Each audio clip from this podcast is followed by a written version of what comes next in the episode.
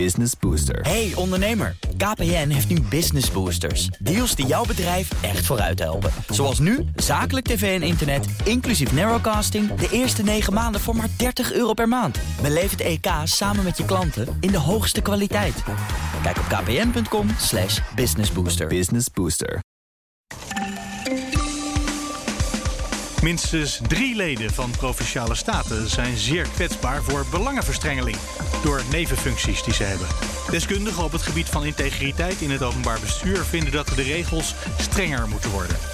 Het belooft een lang debat te worden vandaag in de Tweede Kamer. Iedereen is gefrustreerd over de lockdown die ineens toch weer noodzakelijk bleek. En de nieuwe coalitie schaft de middelingsregeling voor de inkomensbelasting af. Die is bedoeld voor als je het ene jaar veel meer verdient dan het andere. Dus ook, zoals tijdens deze crisis, als je ineens veel minder verdient. En dan is het goede nieuws: dit jaar bestaat de regeling nog. Dit is Nieuwsroom, de dagelijkse podcast met het nieuws van BNR Nieuwsradio en het Financiële Dagblad, verteld door de journalisten zelf. Ik ben Mark Beekhuis en het is vandaag dinsdag 21 december. Hallo, Meerte Westrik van BNR. Hallo. We gaan het hebben over dubbele petten, dubbele verantwoordelijkheden van mensen die in provinciale staten zitten en daarbuiten ook. Daar heb je de afgelopen weken in verdiept. En er zijn minstens drie mensen. Ja, nou ja, we hadden het er net van tevoren even over. Je zei, je mag niet zeggen dat ze corrupt zijn, maar er zit wel een risico dat daar belangenverstrengeling optreedt. Klopt. Ja, ja, we hebben inderdaad um, van alle provinciale staten zijn we langsgelopen op, op alle statenleden en hebben daarbij um, uh, de opvallende gevallen genoteerd. Uh, dus dan bedoel ik met opvallende gevallen mensen die een functie hebben waarbij nou, het mogelijk zou kunnen zijn dat ze bijvoorbeeld dat er andere belangen nog spelen. Um, en die zij mee zouden kunnen nemen in de besluitvorming. We hebben dat voorgelegd aan, uh, aan een aantal experts op het gebied van bestuursrecht en bestuurskunde. Uh, en zij hebben bij zeker drie gevallen die wij, uh, die wij hebben behandeld, hebben zij gezegd, nou, hier bestaat toch wel heel erg het risico op belangenverstrengeling heel sterk. En inderdaad, wat je zegt, dat betekent dus niet van, hé, hey, zij zijn corrupt, uh, dit mag niet. Want het, mag. het zou best kunnen dat ze corrupt zijn, daar doen we ook geen uitspraak over. Nee, precies. Maar we hebben in ieder geval, we zeggen niet, zij zijn corrupt en dat zeggen die experts ook zeker niet. Maar um, door de functies die ze hebben naast het statenlid zijn, bestaat het risico heel sterk op belangenverstrengeling. Uh, zo is er bijvoorbeeld een VVD-statenlid wat hier um, naar voren is gekomen in Noord-Holland, die naast statenlid ook lobbyist is voor KLM. Um, een statenlid in Utrecht die werkt, als, uh, nou ja, die werkt bij een, ook bij een belangenvereniging voor het promoten van laadpalen, elektrische vervoer. Um, en een statenlid in Friesland van GroenLinks, die in dienst is van een ingenieursbureau. En dat bureau doet ook opdrachten voor de provincie. Um, oh ja, dat laatste dat is echt wel ingewikkeld. Die andere, daarvan kan je nog bedenken. VVD is sowieso voor vliegen, vliegen, vliegen. Ja. Uh, dus als de VVD een uh, KLM-lobbyist in dienst heeft uh, in Staten, ja, dat is in lijn met wat de partij toch al wilde. En datzelfde geldt ook voor GroenLinks met laadpalen. dat, ja, dat, dat is dat zou niet tot andere standpunten moeten leiden, zou je haast denken. Nee, dat zou kunnen, dat zou kunnen. Maar inderdaad, um, om ook de schijn van belangenverstrengeling daarin ja. te voorkomen, zeggen die experts, moet je dat eigenlijk niet willen. Want je moet gewoon überhaupt, inderdaad, al is het in lijn met wat de partij misschien toch al zou vinden, dat kun je niet controleren altijd. Of ze op, op, op al die stemmingen dan echt precies hetzelfde zouden hebben gestemd. Plus je moet gewoon niet willen, zeggen die experts, uh, dat je de schijn van belangenverstrengeling wekt. Of dat er mogelijk een ander belang speelt in de, in de besluitvorming dan het belang, het publieke belang. Ja, dus, dus ja. waarvoor je in de, in de provinciale staten zit. Ja, want laadpalen kunnen natuurlijk van het ene bedrijf, maar ook van al die tienduizenden andere bedrijven komen. Daar kunnen bedrijfsbelangen mee gaan spelen. Bijvoorbeeld, ja, precies. Um, en eigenlijk zijn die drie statenleden, dat, dat zijn dus drie opvallende statenleden. Uh, er zullen er ongetwijfeld misschien nog wel meer zijn als we daar nog, nog, uh, nog een maand uh, bijvoorbeeld in hadden gedoken. Maar zij vormen nu echt een soort aanleiding, zeggen ook die experts, om de discussie over integriteitsregels, het voorkomen van belangenverstrengeling, ook op provinciaal niveau eens wat verder open te breken. Want zij vinden dat dat eigenlijk, dat daar veel te weinig over gesproken wordt en dat de regelgeving Um, om, om nou, belangenverstrengeling te voorkomen, ook niet voldoet op provinciaal niveau. Oké, want ze zijn niet corrupt, maar ze gaan ook niet per se tegen de regels in. Nee, precies. Waarschijnlijk. kan het nog steeds ehm, onwenselijk zijn. Precies. Waarschijnlijk eh, valt het net binnen de gedragscodes en, en provinciewet die al bestaat, uh, zeggen ook die experts. Maar, uh, nou ja, wat ik al zei, hier bestaat wel echt het risico op belangenverstrengeling. En die experts vinden dat er, dat er wel eens beter gekeken mag worden naar het aanscherpen van die regels, omdat die heel vaak ja, nog een beetje vaag zijn en dat dingen net wel kunnen. Um, dat het bij de verantwoordelijkheid van de statenleden zelf vaak wordt gelegd van nou ja, we gaan ervan uit dat die persoon uh, integer handelt. Uh, en die experts vinden, nou eigenlijk zou je daar wel wat strengere regels voor mogen opstellen om echt die gevallen ja, te voorkomen. Ja, en je zei zo tussen neus en lippen door, er zijn er misschien nog wel meer. Hadden jullie er meer in het vizier waarvan je zegt, nou, dat is gewoon niet hard genoeg om ze echt te zeggen dat ze dubbele pet al hebben? Uh, nou ja, we, we, hebben inderdaad een, een, hele lijst gemaakt. Dus met, met mensen waarvan nou ja, heel, veel statenleden dat vooropstellen. Het is een parttime baan. En dat zeggen ook die experts. Dus het is logisch dat al die statenleden vrijwel allemaal ook een baan ernaast hebben. Uh, maar inderdaad zijn er meerdere gevallen die nou, zeker wel interessant zijn om, uh, om nog eens verder naar te kijken van hoe dat precies zit. Um, en of daar niet mogelijk ook inderdaad een groot risico bestaat op, op belangverstengeling. Ja, ja. Deze drie sprongen eruit ja, deze drie sprongen er voor nu in ieder geval uh, uit. En uh, dat, dat zeggen dus ook die experts. En, en daarom uh, vonden zij dit ja, ook echt wel een, goede aanleiding. En ook, ja, ook een, um, um, een gerechtvaardigde vraag om gewoon eens aan hen te vragen. Dat is ook natuurlijk belangrijk. Hoe voorkom je nou in deze functie dat er geen belangenverstrengeling optreedt? Um, en nou, daar hebben zij ook op gereageerd. Zij hebben bijvoorbeeld gezegd, nou, wij, wij stemmen niet mee met voorstellen die een beetje ons bedrijf raken. Um, of die echt over ons bedrijf gaan. Ja, ze, praten, ze voeren neem ik aan ook het woord niet over het woord inderdaad voerden ze daar niet over. Wat nog wel opvallend was, is dat bij het statenlid in Utrecht daar in principe wel stond dat hij het woord voerde over mobiliteit. Maar dat bleek een foutje te zijn op de website. Um, maar inderdaad, het zijn een aantal risico's die je, die je bij elkaar op kunt tellen. Dus bijvoorbeeld het woord voeren over een onderwerp wat daarmee te maken heeft. Um, uh, het meestemmen wel of niet. Uh, maar zeggen ook die experts, ook als uh, mensen niet meestemmen of niet het woord voeren over een onderwerp wat daarmee te maken heeft, kan het alsnog uh, kan er alsnog sprake zijn van belangenverstrengeling, omdat de besluitvorming natuurlijk niet per se plaatsvindt bij het stemmen, maar in alle gesprekken. Ja, in alle fractieoverleggen daarvoor al. En dan heb je toch toegang ja. tot de macht. Ja, en dat kunnen Meer wij niet controleren. Ja. Nee. En waarschijnlijk houden ze dan ook hun mond niet, want dan, ze, ze hebben gewoon kennis die relevant is.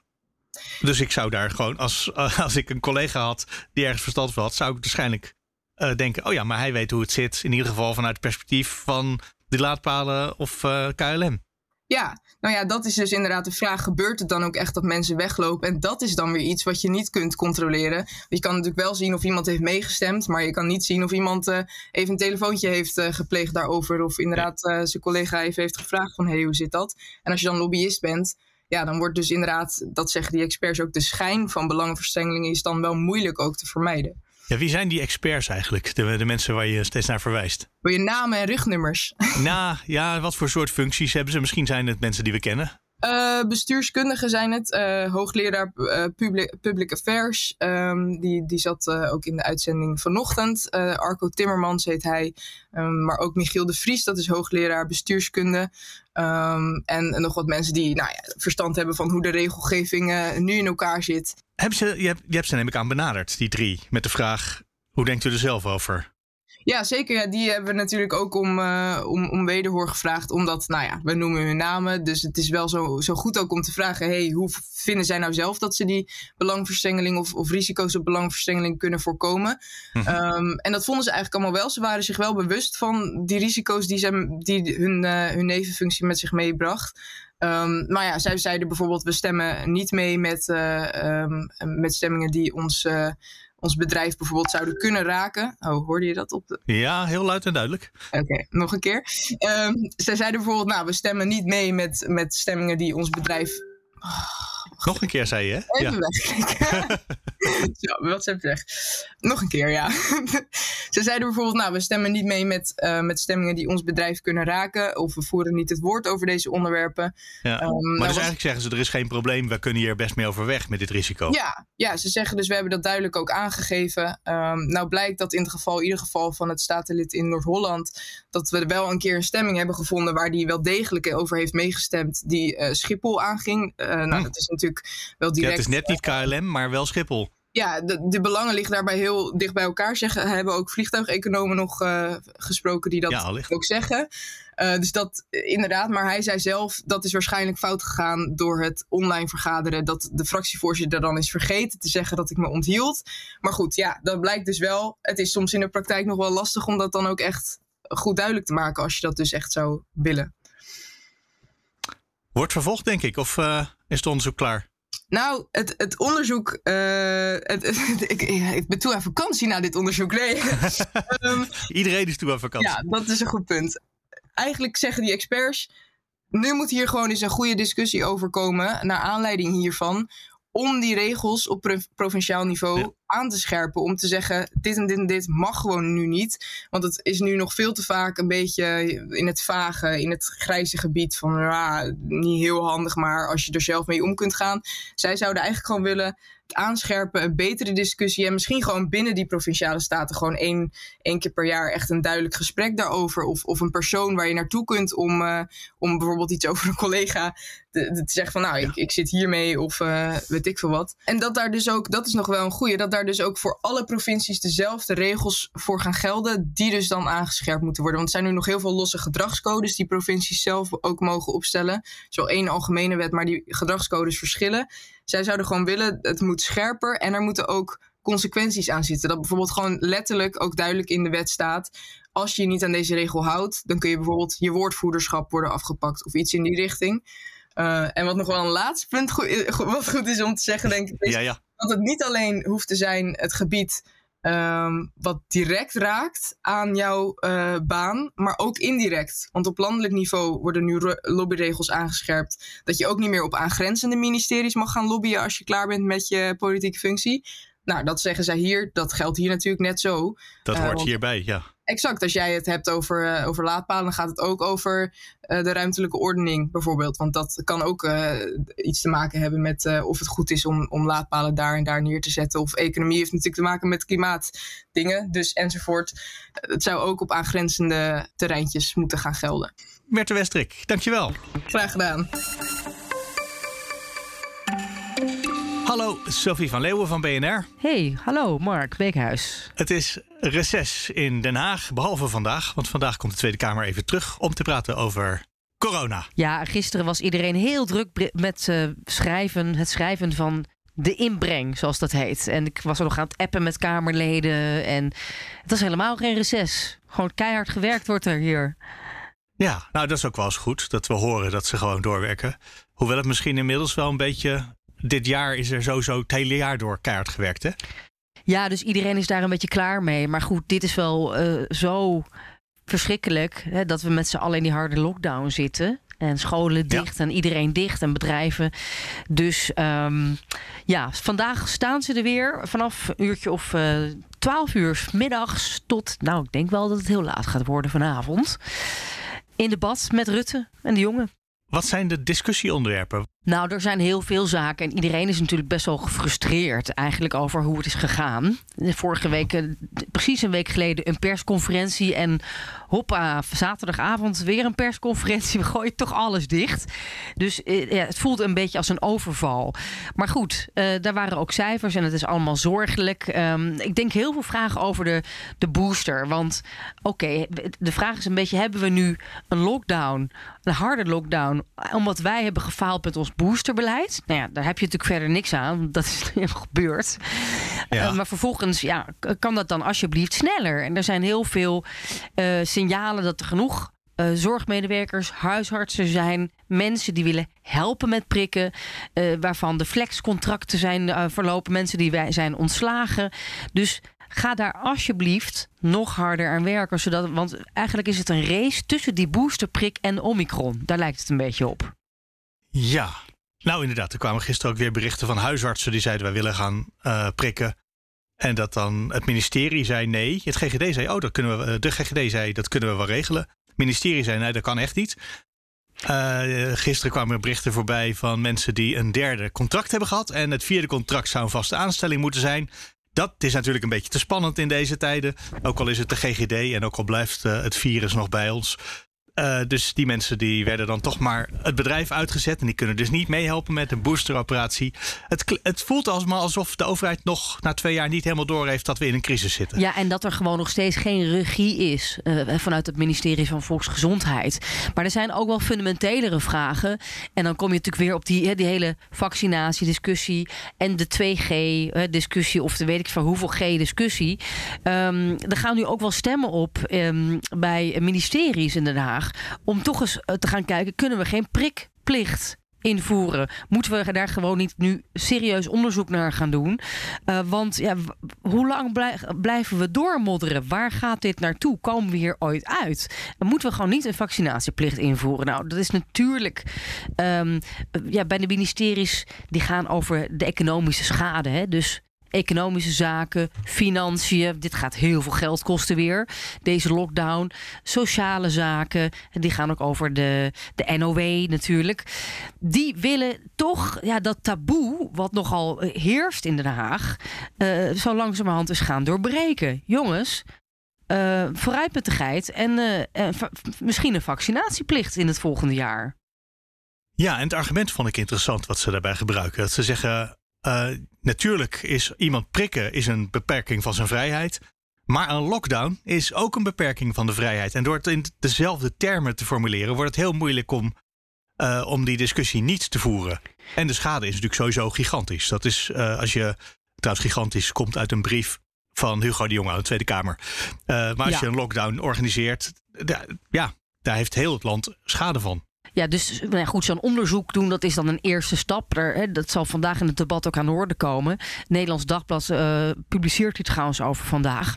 Ja, ik, ik kan me voorstellen dat Hugo de Jonge toch wel uh, een, hè, daar een toezegging op zal moeten doen. Of, of uh, nog steeds demissionair premier Mark Rutte gaan in ieder geval kijken wat het doet en of dat ons hieruit kan halen. Vooralsnog is dat natuurlijk een enorme bottleneck. Want de vier partijen die elkaar opnieuw hebben omarmd, VVD, CDA, ChristenUnie en D66, die zijn daar verdeeld over. D66 wil het wel, VVD wil het ook wel, CDA is verdeeld en ChristenUnie wil het niet. Dat is een lekker begin van het kabinet Rutte 4, zou je denken. Aan de andere kant, medisch-ethische kwesties worden vooral in de Kamer, hè, aan de Kamer gelaten. Dus ja, je kunt je voorstellen dat vanuit de linkse oppositie daar misschien op een dag wel een meerderheid voor zou kunnen komen. Als je PvdA en GroenLinks erbij pakt. Ja, en elke keer komt het woord prikplicht of vaccinatieplicht weer terug. Dus het is iets wat langzaam de discussie insluipt in de afgelopen weken. We hebben het er in Nieuwsroom Den Haag of vorige week in een andere aflevering van Nieuwsroom ook over gehad. Er kwam ook een, reactie per mail op uh, van een van de luisteraars. Die zei, Hugo de Jonge die op zo'n prikplicht, uh, prikplicht aast maar het is niet de jongen zelf, hè? niet het CDA. Het zijn toch vooral die ministeries die de economische kant van de zaak eh, benadrukken. Uh, ja, dus het, de, het verzoek komt vanuit de, de departementen. Um, ja, waar natuurlijk al veel langer frustratie is over uh, ja, steunpakket na steunpakket, lockdown na lockdown. Um, uh, waarbij dan steeds halleluja wordt geroepen van het einde van de tunnel is in zicht of iets dergelijks. Inmiddels is iedereen ervan overtuigd dat dit heel lang kan gaan duren. En dat het, dat het einde van de tunnel helemaal niet in zicht is als we niet fundamentele keuzes misschien hè, moeten gaan nemen. Interessante discussie, denk ik, uh, vandaag. En ja, um, ja ik denk uh, dat uh, ja, op deze manier doormodderen. En ook nog eens als eerste in Europa. Best wel gênant, hè, deze harde lockdown. Ja, dat is eigenlijk geen optie meer, zou je denken. Uh, we zitten er middenin. Op het ogenblik is het een uh, optie, helaas. Het, is, een, ja, het, ja. is, het is vandaag een optie, ja. ja. Noodzakelijkerwijs. Ja, kan er iets veranderen aan uh, de lockdown of aan een van de maatregelen die genomen zijn voor deze week? Want de Kamer kan in principe natuurlijk ingrijpen en zeggen. Wat bij de persconferentie aangekondigd is, dat willen we niet. Ja, de lockdown terugdraaien bedoel je? Ja, nou of een, uh, de lockdown voor Schiphol ook van toepassing verklaren. Of voor boekwinkels niet. Of uh, ik weet niet. Je kan natuurlijk voor duizenden dingen kan je zeggen. Nou, dit ene detail willen we tweaken. Ja. Dat zou kunnen. Ja, er was wel. Um eh, volgens mij was de bedoeling van, eh, van Rutte, van de demissionair premier, om het zo simpel mogelijk te houden en vooral niet te veel uitzonderingen te maken dit keer. Uh, Maar goed, er zal wel woede zijn. ook weer bij de linkse oppositie verwacht ik. dat iedereen mag wel op vakantie naar een, naar een leuk gezellig eiland waar de regels een stuk soepeler zijn. Of, um... Ja, sterker, de winkels op Schiphol zijn open gewoon. Ja. Want die staan aan de andere kant van de douane en dan dat is een andere wereld. Ja, Parallel universum. Daar is natuurlijk heel veel uh, ja, frustratie over. Ehm, Onbegrip op zijn minst. En ja, ik heb daar ook al met het ministerie van, van Barbara Visseren van de IMW, van Infrastructuur en Waterstaat, even over geappt. En die zeggen dat uh, dat, dat uh, eigenlijk een, hoort, niet bij Nederland hoort. Het is een soort internationale zone waar mensen tussen verschillende tijdzones reizen. En, en die moeten daar gewoon hun inkomen, of tussen haakjes kerstinkopen, cadeautjes of zo, kunnen doen. Dat was gisteren het standpunt. Ehm, nou, zullen we zien of ze dat vandaag vol kunnen houden. Maar zij rekenen dat dus niet tot Nederland eigenlijk. Dat gedeelte achter de douane. Daar komt het een beetje op neer. Als jij zegt dat die mensen moeten kunnen eten, snap ik. Maar dat je tijdschriften moet kunnen kopen. Of dat je sterke drank of sigaretten moet kunnen kopen. Ja. Eh, dat is toch niet, uh, dat is niet essentiële uh, dienst op een vliegveld. Nou ja, de, de, de sluiter bij mij om de hoek is volgens mij ook gewoon open. Ik heb nog de FNV even gesproken, de, degene die gaan over winkelpersoneel. Die zeiden tegen mij dat, ze, dat men ook wel blij is, toch wel een deel van het personeel, toch blij dat ze uh, open blijven, omdat daar ook heel veel flexcontracten zitten. En ja, dan zit je anders zit je thuis en zonder inkomen misschien. En ook dat toch wel grotendeels op anderhalve meter werken veilig zou moeten kunnen. Dat zegt de vakbond, hè? dus dat vond ik wel mm -hmm. opvallend. Er waren ook wat andere geluiden in de media. Nou ja, het is een, een, een genuanceerder verhaal. Um, maar da, da, ja, of, of het kabinet toezeggingen gaat doen op Schiphol. Zou kunnen. Ik verwacht hem nog niet. Um, ja, en, en op vakantie gaan. Kijk, ik denk uiteindelijk dat, dat andere landen zullen besluiten of wij nog welkom zijn de komende weken. Mm -hmm. uh, en ja, wat, wat wij ook allemaal doen, of extra testen. Nou ja, goed. Misschien een extra test zou natuurlijk niet zo'n gek idee zijn, denk ik, hè? Ook binnen de EU. Uh, sowieso, uh, als iedereen voor het kerstmenu eventjes een zelftestje doet. Heel verstandig. Voordat je even bij, uh, bij de familie langs Voordat gaat. je bij elkaar op visite gaat. Ja. En dan natuurlijk nog steeds afstand houden, ventileren, al die andere dingen doen. Een klein zelftestje voor je aan tafel gaat met z'n allen. Ja, want het schijnende natuurlijk van de, van de situatie is dat, hè, dat we dan misschien met z'n allen toch weer klein, maar fijn kerstdiner en oud en nieuw vieren. En vervolgens kunnen de scholen in het nieuwjaar niet open. Hè, vanwege de feestdagen. Ook een beetje de wereld op zijn kop natuurlijk. Uh, en dat is ook wel een, een van de spannende dingen. Van uh, de, de, het weegmoment op 3 januari. Kan het onderwijs open of zit ver, vervolgens weer uh, heel Nederland in paniek thuis te werken met koters op schoot? Dat is niet te doen. Dus ja, nou ja, goed, hoe dan ook. Het kabinet zal er voor langs krijgen. Het demissionaire kabinet. Nog even. Ja, linksom of rechtsom, allicht. En uh, ja, makkelijke oplossingen zijn er uh, op dit moment helaas niet. Nee. Nou, we gaan er vandaag weer naar kijken, Sophie. En dan uh, vrijdag in Nieuwsroom Den Haag het uitgebreid bespiegelen. Zeker. Ja, of wat is het? Hoe, dat ik zeg het niet helemaal grammaticaal correct. Maar ik kan ook niet beter zeggen. Wat moet je ook weer zeggen? Vrijdag, vrijdag gaan we het erover hebben. En ja, en dan ga ik ook mijn nieuwe collega aan je voorstellen. Tot dan, Sophie van Leeuwen. Dankjewel. Maar wij gaan het over uh, belastingmiddelingsregelingen hebben. Heerlijk. Ja. En jij was verbaasd dat ik daarover uh, vroeg, Martine Wolzer. Ja, het is een emmetje. Gewoon een dat klein... Een emmetje is een uh, medium verhaaltje. Maar wel op pagina 3. Dus niet verstopt in de krant. Oh, oké. Okay. Ja, het wordt heel goed, het is heel goed gelezen. En als je de krant openslaat, is het eerste artikel waar je tegenaan kijkt. Ja. En wat ik leuk aan vind, is dat mm -hmm. het gaat over een belastingregeling. Waar te weinig mensen van gebruik maken. Dus meer mensen zouden er gebruik van kunnen maken. Behalve dat nu de belastingen toch weer veranderd zijn, waardoor het eigenlijk voor bijna niemand meer interessant is. Ja, dat is niet waar. Het is minder interessant geworden. Ja, je hebt gelijk. Ja. Maar er zitten heel veel van dat soort wendingen in. Dat je denkt, oh, nu. Oh nee, maar toch andersom. En bovendien, we kunnen nog even van deze geheimtip één of twee jaar gebruik maken. Ja. Nou, we. Je moet wel een beetje achteruit gaan met je inkomen. Ja, of enorm vooruit. Of enorm vooruit, ja precies. Maar dat is iets nou, wat denk ik ja. in deze coronacrisis wel veel mensen hebben ja. meegemaakt. Dus het is echt een tip waar je wat mee kan in deze crisis. Nee, dat klopt. Nou, dat was mijn Ja. gedachte. Oké. Ik heb ons het gesprek ingerommeld, denk ik. Als je dat goed vindt. Eh, die middelingsregeling. Vertel even in het kort waar die, Ja, dit- wie er gebruik van kan maken. Hij is vooral bedoeld voor mensen eh, waarvan het inkomen nogal schommelt. Dus eh, hij is ooit bedacht omdat je dan, nou dan kon je het ene jaar kon je bijvoorbeeld in het hoogste belastingtarief terechtkomen en dan het volgende jaar in een heel laag belastingtarief. En als je dan, mocht je je gemiddelde inkomen over drie jaren op een rij nemen. En het een beetje geluk kwam je dan al die jaren in dat lage belastingtarief terecht. Nou, dan kon je op die manier een hoop geld besparen. Maar hoe werkt dat dan? Want ik heb voor vorig jaar en voor het jaar daarvoor al lang aangifte gedaan. En volgens mij heb ik daar ook een brief van gekregen dat die definitief is. Dus daar valt toch niet meer mee te marchanderen nu? Nee, dat mag je dus nog alsnog aanvragen. En er staat Ah, ja. een formulier op de website van de Belastingdienst.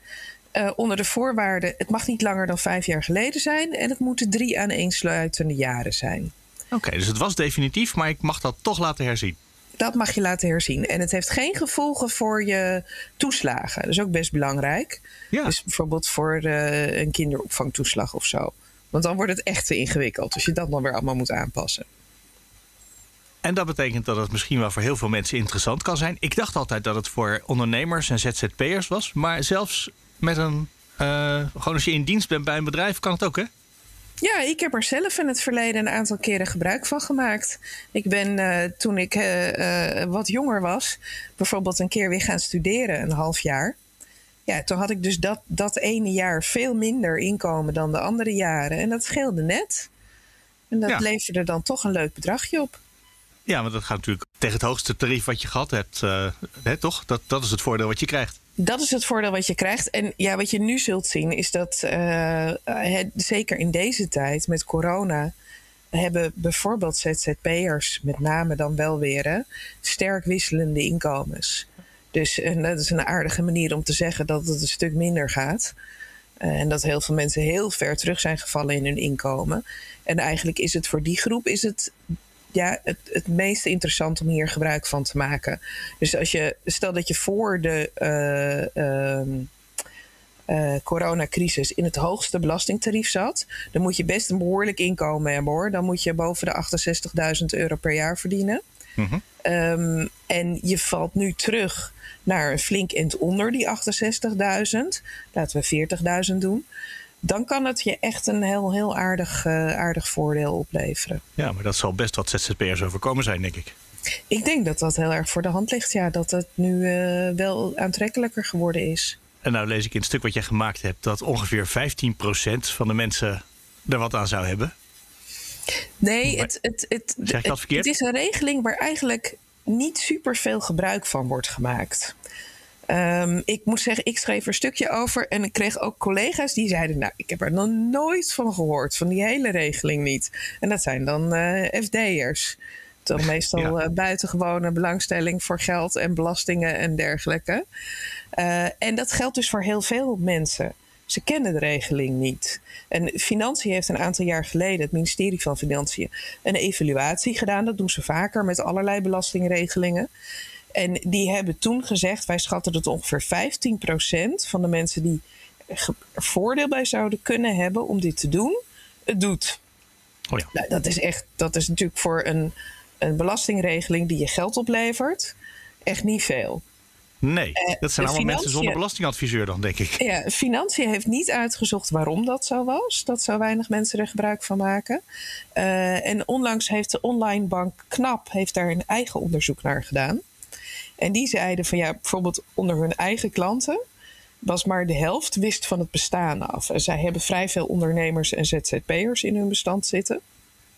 Dus juist de groep waar het eigenlijk aantrekkelijk voor zou moeten zijn. Dus die hadden zoiets van ja, je zou hier veel meer reclame voor moeten maken, veel meer voorlichting moeten geven dat deze regeling bestaat. Maar ja, in het coalitieakkoord staat dus dat die verdwijnt. Ja, dus we hoeven geen reclame meer te maken voor over twee jaar. Nou, maar voor dit jaar dus nog wel. Ja, je kunt bij je volgende aangifte zou je er nog gebruik van kunnen maken. Eh, sowieso. En wat mij nog niet helemaal duidelijk is, en dat is natuurlijk met meer maatregelen uit het coalitieakkoord, het staat erin, er staat ook al een bedrag voor ingeboekt. Het moet 178 miljoen gaan opleveren op den duur. Maar waar, En vanaf 1 januari 2023 moet de regeling afgeschaft worden. Maar of je hem dan meteen helemaal niet meer mag gebruiken, of dat je niet meer mag middelen over jaren na 2023. Dat is, dat is mij nog niet helemaal duidelijk. Maar die wet is natuurlijk ook nog niet uh, gemaakt. En dat uh, moet nee, allemaal de nog Tweede Kamer volgend jaar door de Tweede Kamer. Ja, die moet zich er nog over buigen. Wordt vanzelf ergens in de loop van het jaar duidelijk.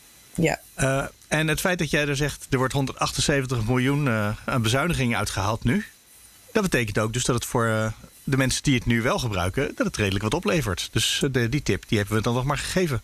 Ja, nee, het, het, het heeft dus af, dit jaar verwachten ze dat er ongeveer voor dat bedrag teruggevraagd gaat worden op deze manier.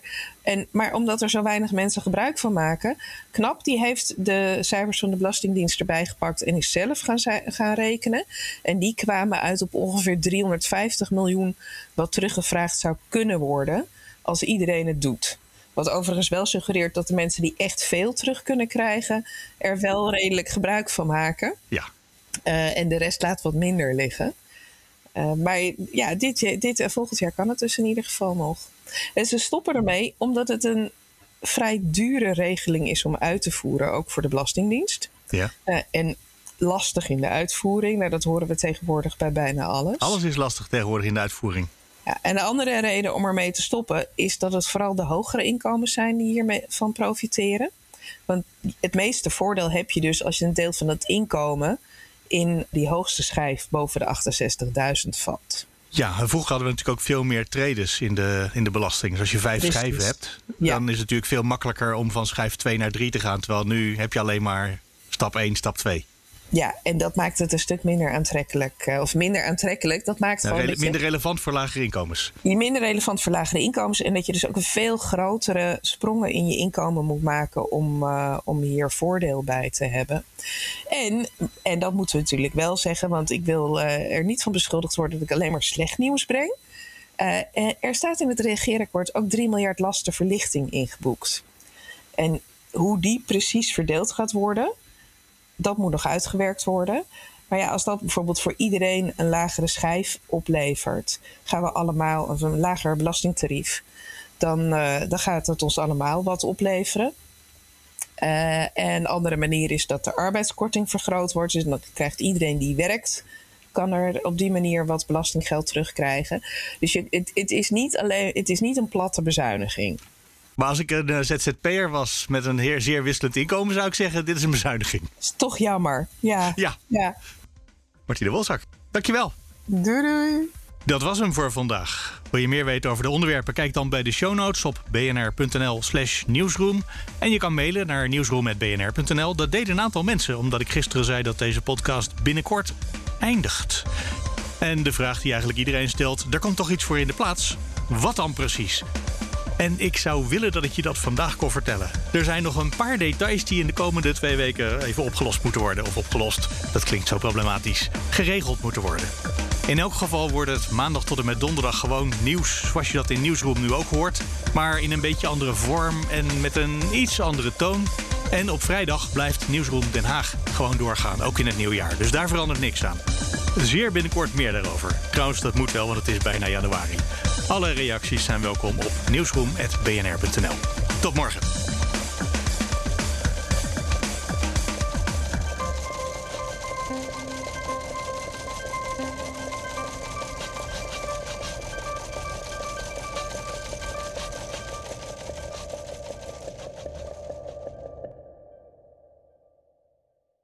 Business Booster. Hey ondernemer, KPN heeft nu Business Boosters. Deals die jouw bedrijf echt vooruit helpen. Zoals nu, zakelijk tv en internet, inclusief narrowcasting... de eerste 9 maanden voor maar 30 euro per maand. Beleef het EK samen met je klanten in de hoogste kwaliteit.